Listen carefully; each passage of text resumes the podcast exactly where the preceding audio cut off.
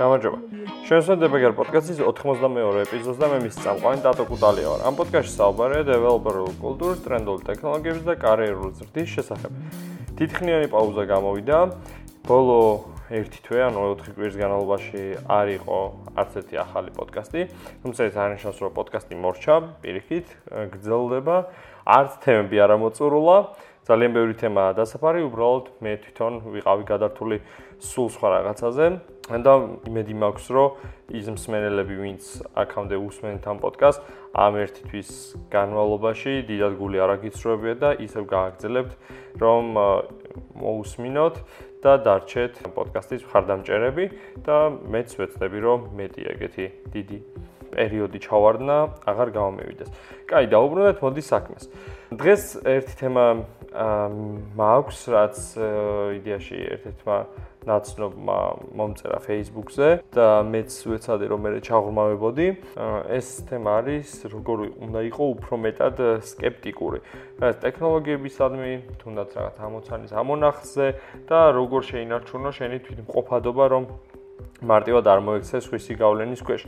მოდი უფრო ღმად ჩავშალოთ, ეს შეიძლება გავლენა რამოდენიმე მიმართულებით იყოს აღქმული. ერთ-ერთი არის, როდესაც დამწყები დეველოპერი ხარ და სხვა უფროსი დეველოპერების, ასე ვთქვათ, ამონახს, ასე ვთქვათ, პრობლემის, რაც ამონახსნით, კონკრეტული კოდის ნაწილი იქნება, შეიძლება რომ ბრმად დაეთანხმო, მათ მოსაზრებებს ასევე დაეთანხმო, იმიტომ რომ შენ თვალში მათ უფრო მეტი წონა აქვს და რაღაც წინასწარ უკვე არის შექმნილი განწყობა, რომ რომ ისინი ყველაფერში სწორნი არიან, ანუ მოსაზრებები რაც აქვთ და ხმამაღლა აღღერებენ.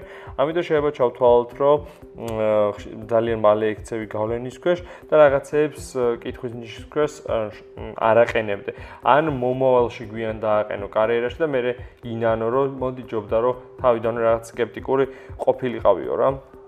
ხოდაი ამაზე ვისაუბროთ. ნუ ერთი შეიძლება პირველ რიგში კითხვა უმრავლესობას თქვენ რაც გაგიჩნდეთ არის რომ აი ძალიან მარტივად გადავდივარ სხვის აზრზე, ხო? აა ეს ეს კითხვა ალბათ კარიერის განმავლობაში ძალიან ბევრს დაუსვამს საკუთარ თავთან და როგორ შეიძლება ამასთან მუშაობა. აა თავ ალბათ კარიერის განმავლობაში საწყის ეტაპებზე როგორც ახსენე უფრო არის მარტივად სხვის აზრზე გადასვლა, თუმცა ამ შემთხვევაში საერთოდ არ ასე ვთქვათ გიბიძგებთ იქითკენ რომ იყავით ვთქვათ ჯიუტნი და არ გადახვიდეთ და რაც უბრალოდ დასაბუთების garaშე ან საკმაოდ კარგი ახსნის garaშე რომ დააკმაყოფილოს თქვენი ცნობის მოყარება მაგის garaშე აუცილებელი არ არის რომ სხვისი გავლენის და სხვისი აზრების ქვეშ მოექცეთ რა ეგ პირველ რიგში ნიშნავს რომ საკუთარ თავს არენდობით ანუ უნდობლობა გაქვთ რა ბოლომდე ვერ იხსნებით თქვენ თავთან და ამის გამო თუნდაც რაღაც სწორი მიმართულება, ანუ ვექტორი სწორი გეჭიროთ, ან თუნდაც ბოლომდე გქონდეთ ის ამოცანა გაკეთებულია, ამოცანა ეს ასე ვთქვათ, რაც ბრჭყალებში ჩავსვი, ნებისმიერ რაღაცას სწორად გქონდეთ გაკეთებული.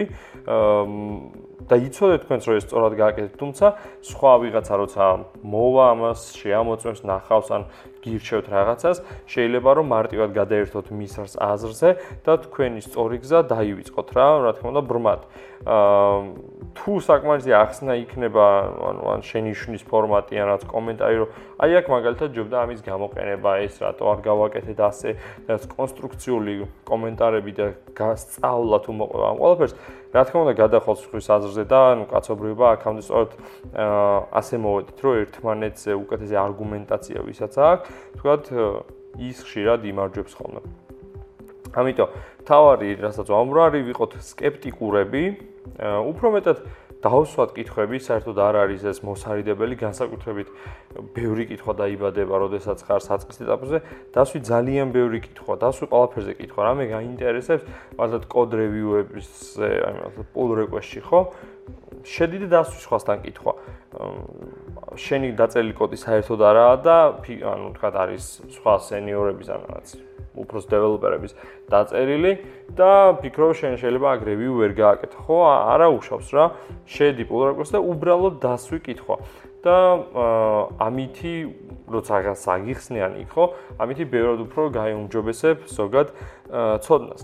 ხო და ახლა ცოტა უკან დაუბრუნდეთ. იმას მომდი რომ საკუთარი თავთან უნდობლობა არის იმის ნიშანი რომ შეიძლება ვიღაცის შემოთავაზებულ ასე ვთქვათ სხვა რაღაც ამონახზე უფრო მარტივად გადახვიდე თუ ასე ხდება, არ ხარ პირველი, ძალიან ბევრ ხალხს მოსულია ასე. სავარაუდოდ მეც მომსულია ეგრე, ანუ ხა ახლო წარსულში ვერ ვიხსენებ, მაგრამ მომსულია ალბათ. დიდი ალბათობით, იმიტომ რომ მეც ადამიანი ვარ და მასეთი რაც იქნება დაზღვეული არ ვიქნებოდი რა. ამას ყველაფერს შველის ბევრი გამოცდილების აკრეფა და ძალიან ბევრი რაღაცის ნახვა რა. რაც უფრო მეტ რაღაცის ნახავ, ნახავ ბევრ სხვადასხვა სტილს ამ პრობლემის გადაჭრისას ზოგადად როგორი ჭრა პრობლემის სხვადასხვა გზებს. ნახავ სხვისი შემოთავაზებული რაღაცა ნაკლებად გაგაკვირვებს და უფრო მეტად იქნები აი კვლევარის გადმოსახედი რომ დაგაინტერესა ის სხვამ როგორ გააკეთა რა იყო ის ძაფი რასაც სხვა გაყვა და შეიძლება უფრო მოკლეგზით მიიყვანა იქამდე ვიდრე შენ რა.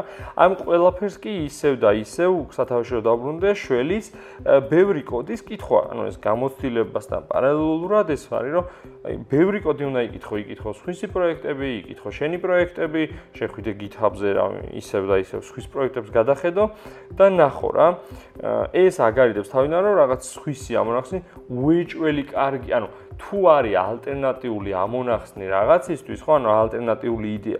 ეგ არ ნიშნავს საერთოდ რომ უკეთესია რა.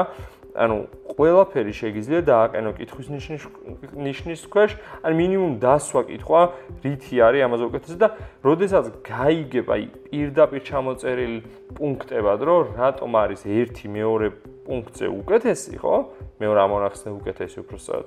ამ შემთხვევაში, რა თქმა უნდა, ძალიან დიდ ცოდნას იღებ და შენი მიზანი სწორედ ეს არის, რომ კითხვა დასვა, რაღაცა скеპტიკური იყო რაღაცეებისადმი, რითაც შენ ცოდნას განიმტკიცებ და ხვალ შენ დაეხმარები სხვა ადამიანებს რა.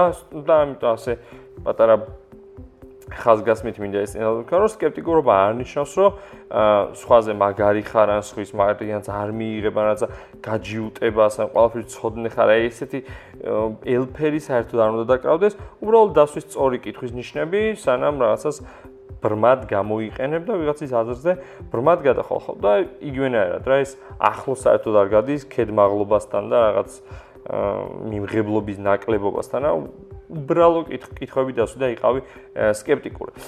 ამის შემდეგ გაგრძელებები უკვე კარიერაში, ანუ ეს ასე ვთქვათ, აკროფესები ჩაიყრება, შემდეგ უკვე მიდის, რომ ხდები ტექნოლოგიურად აგნოსტიკური, შეგიძლია ბევრ სხვა სხვა ტექნოლოგიის გამოყენება, ისე რომ მიჯაჭულობა რაღაცეებზე არა გაქვს, შეგიძლია ბევრი ისეთი პლატფორმები დააყენო კითხვის ნიშნის ქვეშ, ისეთი გადაწყვეტილებები ამ პლატფორმებზე, რაც მანამდე გეგონა რომ მოცემულობა იყო, რომ უეჭველი სწორია, არა და ის პლატფორმები და ნებისმიერი რაც თუნდაც ენები ისევ დეველოპერების, ვიღაც ინჟინრების დაწერილია, რა თქმა უნდა, მაღალი კალიბრის შედარებით ინჟინერების, თუმცა მაინც ყველა ინჟინერია და რაღაც გადაწყვეტილება შეიძლება დროთა განმავლობაში კითხვის ნიშნის ქვეშ იქნეს დაყენებული რა.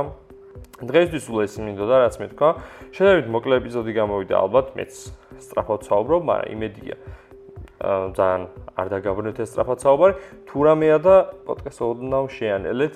ზოგადად ზოგადად მე მაქვს ხოლმე პოდკასტი 1.0 ორზე რა ამ სიჩქარით დაყენებული და უსმენ ხოლმე და ზოგჯერ ვფიქრობ საკუთარ პოდკასტს რო ვუსმენდე სწრაფად მოლაპარაკესთან 1.2-ზე ცოტა გამიჭirdება და რა და ალბათ ისევ სტანდარტზე დავაყენებდი. მოკლედ, ცირე გადახვევა. იმედია რომ საინტერესო იყო.